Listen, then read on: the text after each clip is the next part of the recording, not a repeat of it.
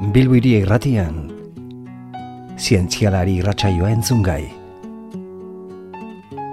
Universial País Basko Euskal Herriko Unibertsitateko Kultura Zientifikoko Katedrak eta zenbat gara elkarteak elkarlanean prestaturik.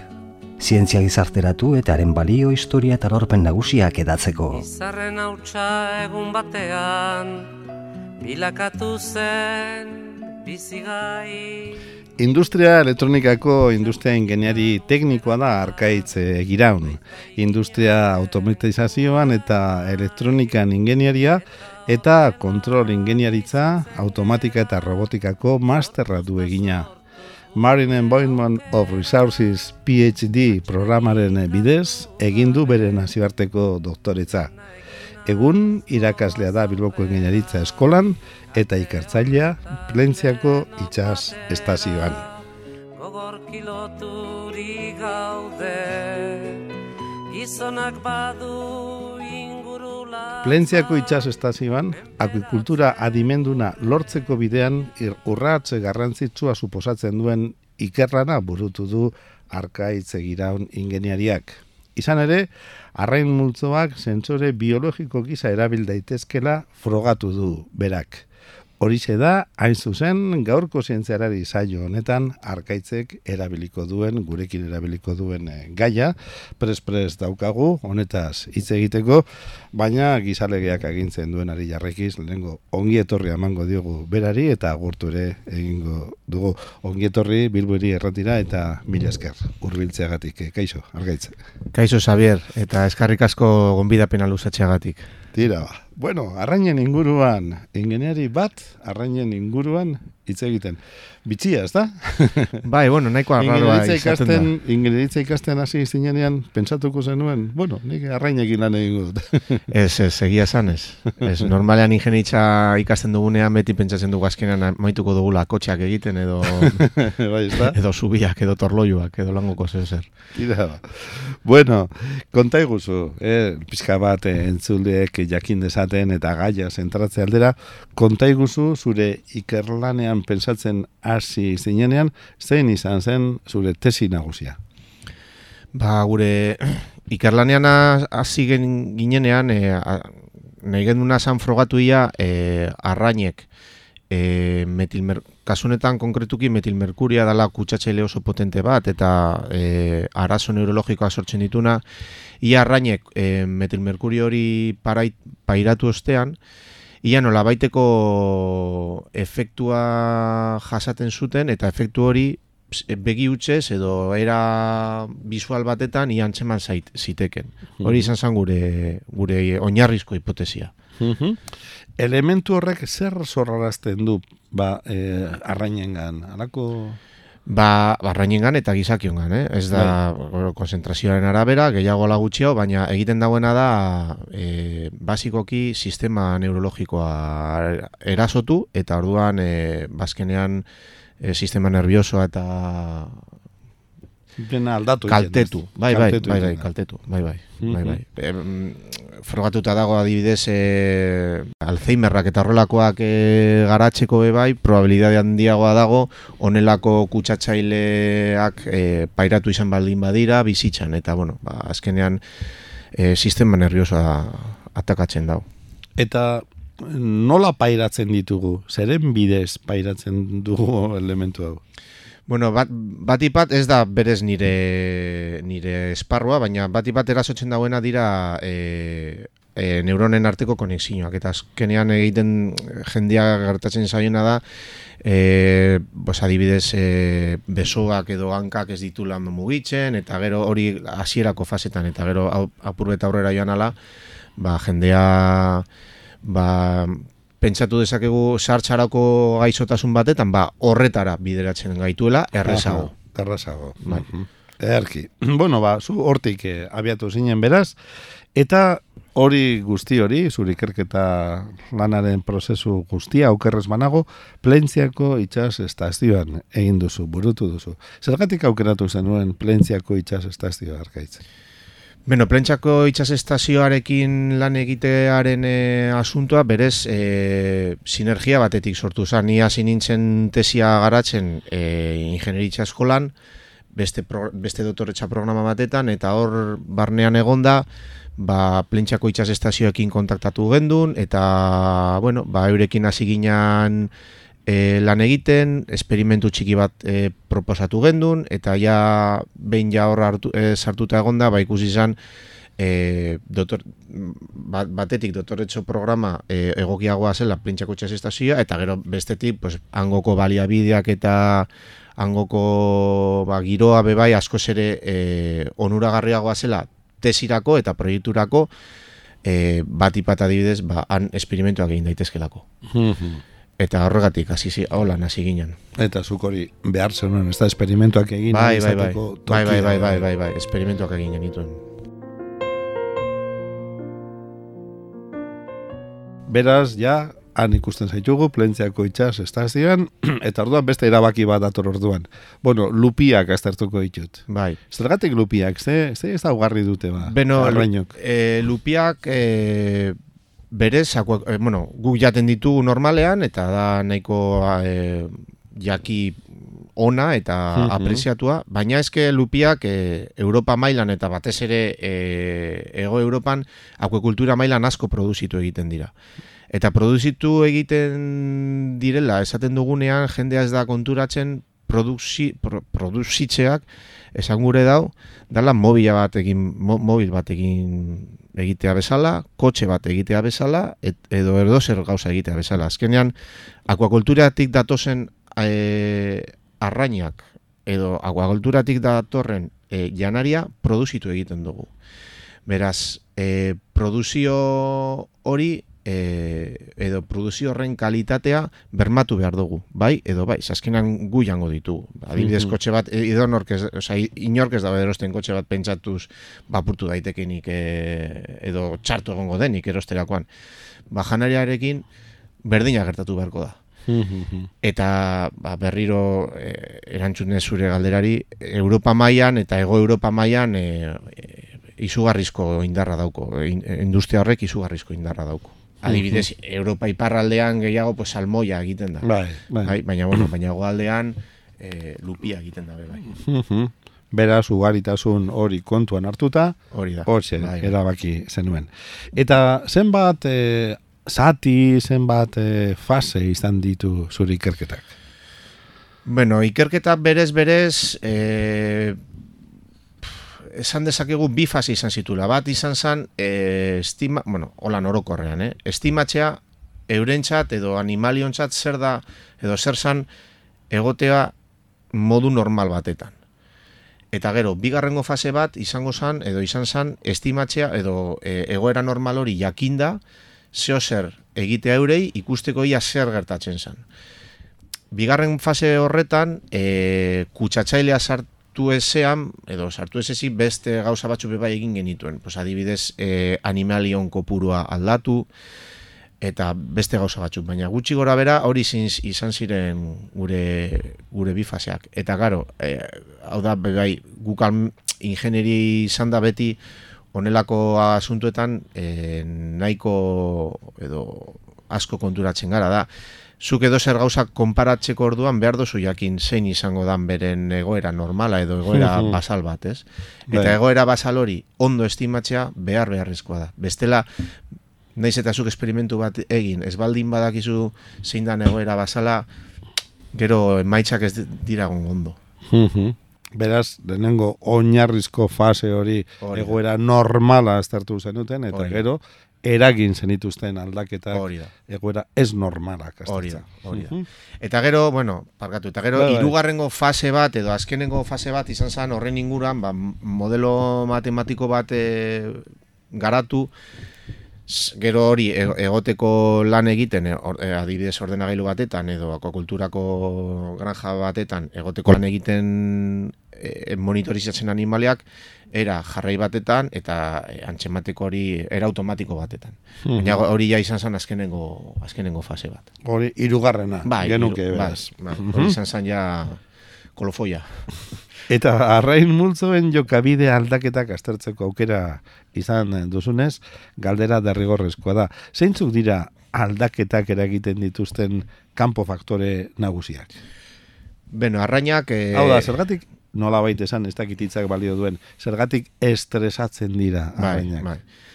Arraina berez e, eraskotakoak diga, e, dira eta mm, espezie asko egonda, espezia bebai ezberdina dira. E, kasu honetan adibidez lupiak e, arrain batzuk dira eurek e, multsoan egoten direla Bai. eta multsoan mugitzen direla eta multsoan gustatzen zaiela egotea.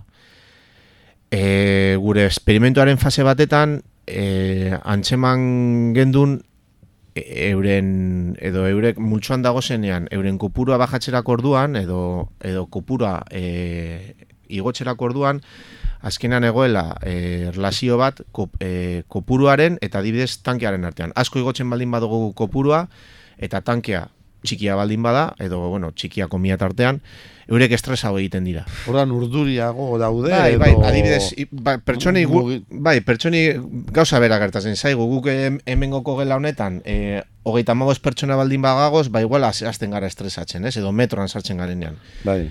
En cambio, e, gutxi baldin badagagoz, ba erosoago gadoz. Eurei hori, hori gertatzen zaie. Eta gero, beste aldetik be bai, gutxi baldin badau, baldin badagoz, tanke batetan, e, euren jokabidaz e, aldatu egiten da, baina erabat. Bai. Bai, normalean eh, arrainak ugar egiten dabe eta korronte bat gustatzen zaie egotea, korronte horren aurka ugar egiteko. E, gu adibidez konturatu ginen, e, gutxi egozanean gelditzen zirela geldi. Mhm. Eta euren artean apurbete banatuta, baina geldi. Eta hori ez zan jokabide Normal. normal bat. Ez. Mhm. Eta hori kutsatzaile gabe. Eh? Mhm. Beraz hori ja daukagu beste estresore bat. Estresore kasu horretan da kopurua. Kopurua. kopurua. Horre, Korrontea da beste bat. korronte izango zan beste bat, adibidez eurei gustatzen zaie korronte baten aurka e, kirola egitea, adibidez, e, Mhm. dago zabera.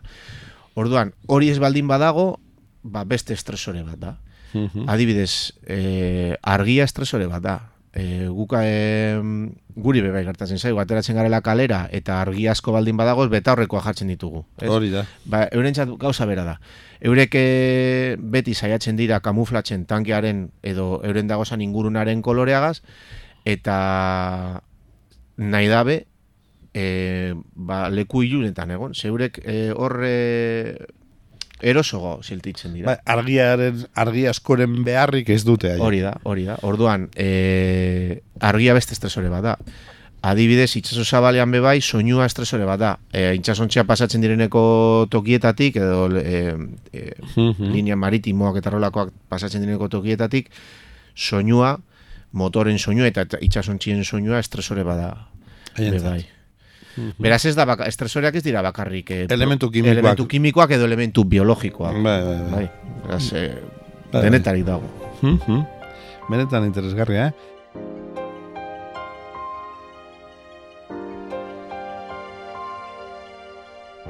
Bueno, eta zure azterketan argi gelditu da, beraz, e, hori, ez da? Ba, e, horrela e, erlazionatzen dutela estresoren aurrean.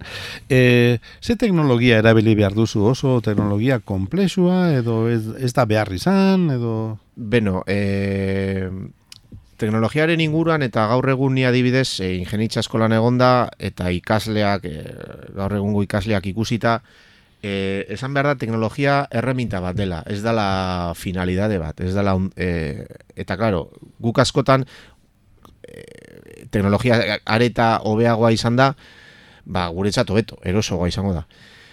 Baina naiz eta teknologia oso garatu bat ez izan, ba bueno, moldatzen gara. Gu kasu honetan moldatu izan gara e, ez baliabide askorekin hau garatzeko. Bat ipat, ze azkenean ia egin dugun euneko larogeita emeretxia, izan da ordenagailu bitartez. Eta azkenean hor e, irudiko prozesaketa, bideo prozesaketa eta horrelako e, gauzak garatzea ordenagailu bitartez egiten da. Beraz, ez da zerbait oso garestia.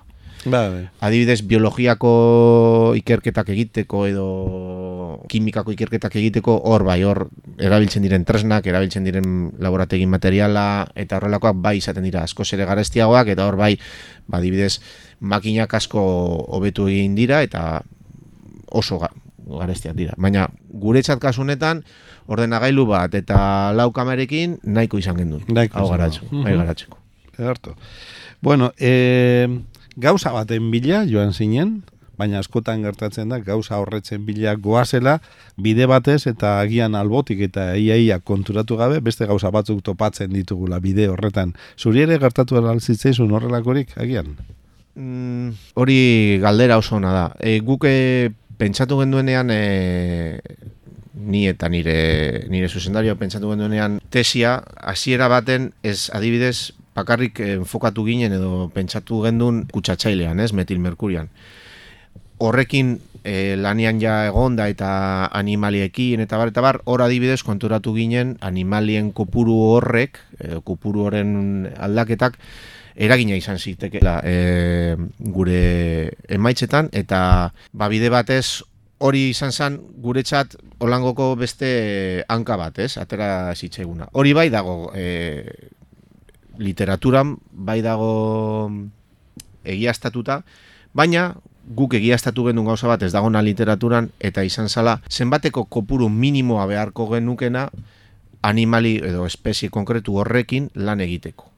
Eta horren e, efektua edo kopuruaren aldaketaren efektua espairatzeko. Eta adibidez, bueno, hori ja gut daukagu publikatuta eta guretzat hori bai izan zala e, zerbait oso oso berria eta interesgarria. eta oso interesgarria, bai bai. Mhm. Ederki. E, lehen, aipatu duzu bide batez, ia, ia, baina barrero galdetuko dizut interesgarria denako. Zer suposatzen du zure lanak akuikulturaren zat? Ba, gaur egun pentsatu behar dugu munduko biztanleria gero eta gehiago dago. Guk hemen e, Euskal Herrian edo lehenengo munduan, Europan, Estatu Batuen eta bar, e, printzipioz dirudi e, jaiotxak bajatzen ari direla, baina mundua globalean hartuta, China, Asia, Afrika, biztaleria gero eta handituz doa. Biztaleria hori jan egin behar da. Eta jan ez da bakarri jatea hartoa eta garia. Baizik eta proteina be bai, gu behar ditugu proteinak e, ba, azteko, ez? Proteina horiek etorri daitezke, gehiengo etorri, etorri behar da animaliaren e, esparrutik, ez? Eta animaliaren esparrutik dagoz bi, hor beste bi sub esparru dagoz. Batetik, e, lur, lurko animaliak, ba, behiak, eh, ardiak eta bar eta bar, eta bestetik itsasokoak. Daukagun anim biztanleria hori elikatu izateko, e, adibidez, behiak erabiliz e, egin beharko bagenu, ba, itxelesko e, baliabidea berko bai, genituzko. Bai, porque azkenean hori impacto e, itxela dauko, azkenean behiek eta guk adibidez, energia pilo bat galtzen dugu bakarrik gure temperatura e, bai, bai. e, mantentzen, ez, bai, bai. Baina, adibidez e, arrainek, nolan, e, te, e, uraren temperatura egokitzen diren, asko zer energia gutxiago sartu behar dugu sistema horietan, ba, eure e, janaria ateratzeko hortik. Horren ninguruan, akuakultura onuren arabera, akuakultura izan behar da edo izango da urrengoko urteetan e, industriarik edo e, proteinak sortzeko industriare garrantzitsuena. Eta honen inguruan, ba, zenbait herrialde jasi dira, e, honelako siste, e, akukulturako sistema oso handiak garatzen, adibidez oin dago bat e, garatu egin dutena e, Norvegia eta Txinaren artean, dala, ba, esan dezagun dirudi plataforma petrolifero bat, baina azkenean da plataforma bat, arrainak e, azteko plataforma bat. Eta horrelako sistema gero eta gehiago gongo dira. Guk igual ez ditugu ikusiko, ez dira gongo gure kostaldean, egongo dira igual itxas, barrurago, barrurago, baina horre gongo dira. Eta azkenean sistema horiek egongo dira horri itxasuan, eta torre daiteke korronte bat eta prestitzeko, adibidez prestitxe, edo bestelako isurketa baten ondoriozko kutsatzaileak pasatu hortik eta orduan guzti hori kontrolatu alizateko gero eta gehiago sistema automatikoak edo sistema e, oiko industrian erabili izan diren sistemak behar izango ditugu. Babesteko sistemak. Bai, que... babesteko sistemak eta bar eta bar. Eta orduan, e, azkenean ezke problema gero eta komplexuagoa egiten ari da. Imaginatu, edo aldera bat izango zen, ba, adibidez, pentsatzea guk hemen basarritxo batetan e, izan dezakegula, dezakegula hortu txiki bat, eta lau bai. eta lau gauzatxo, eta hori kontrola, kontrolatzeko ez dugu behar bestelakorik. Baina ja Almeria araba galdin bagoaz, eta daukagu itxelesko invernadero bat. Bai, bai, eta, negutegi neguterak eta... Hor behar dugu zerbait. Bai, bai, ja, automatikoa eta bar, eta bar. Ba, bueno, aldera pena horrelakoa izango da. Aha. Beraz, eta hau da azken galdera arkaitz, horrek esan nahi du ikerketa eremu itzela zabaldu zaizula zuri ere, ezta? Eta Bai. agian beste egitasmorik ere baduzula gogoan. Bai, bai, bai, ikerketa eremua oso zabala zabala da, guk eh, orain eh, lanean edo kolaborazioa ditugu adibidez eh, Norvegiako jendeagaz, egon gara Europar proiektu bat lortzeko eh, sorian, aurreko oraingokoan ez aurrekoan ez ziguten emon pasa genuen lehenengoko zera, lehenengoko valorazioa eta ja bigarrengoan ez ziguten emon. Baina bueno, hor hor gagoz hori garatzen eta ba bueno, be bai dago jendea beste adibidez Noruegan eta bar eta bar, ba, bestelako sistema be bai egiten eta azkenean da zerbait oso multidisciplinarra eta azkenean guztia jarri bar dugula batera, ez? Ez da azkenean bakoitza bere irlatxoan Mhm. gauzatxo bat egitea, baizik eta guztiok da, danon artean zerbait egin eta hori ja da gero gizarteari heltzeko bestela hori da pur bat ideia. Erki, zein da, zure gustuko arraina, lupiak jaten dituzu? Bueno, nik bai, ni arraina normalean jan egiten dut. E, egia da gaur egun, ba, bueno, horre ikusten direneko albistekin, ba, mikroplastikoak eta kutsatzaileak eta bar eta bar, ba, bueno, e, Denok gabiltza beldurrez, Denok gabiltza beldurrez, baina, bueno, bai esan behar da, azkenean e, guk arrainaren e, muskula jaten dugula, ez dugu jaten am, arrainaren e, bur- burmuina, ez arrainaren esteak, orduan, ba, adibidez mikroplastikoak edo kutsatzaileak eta bar, eta bar, normalean muskulera ez dira altzen, edo oso zaila da heltzea. Horrek ez dago esan gure, ez dugunik, e, ez dugula e, kutsatzaile horiek murriztu behar, mikroplastikoak murriztu behar, eta bar, eta bar, ze azkenean, egon, aileguko da momentu bat, igual ja ezin ditugula arrainak e, itxasoan eduki, orduan. Adi, dugu, eta horretarako zurea bezalako ikerketak beti onura ekarriko digute. Ba, arkaitz e, egiraun eskerrik asko, zorionak zure ikerketagatik, eta eskerrik asko gaurkoan gure latortzagatik. Bai, eskarrik asko zuei. Unibertsial País Basko Euskal Herriko Unibertsitateko Kultura Zientifikoko Katedrak eta zenbat gara elkarteak elkarlanean prestaturik.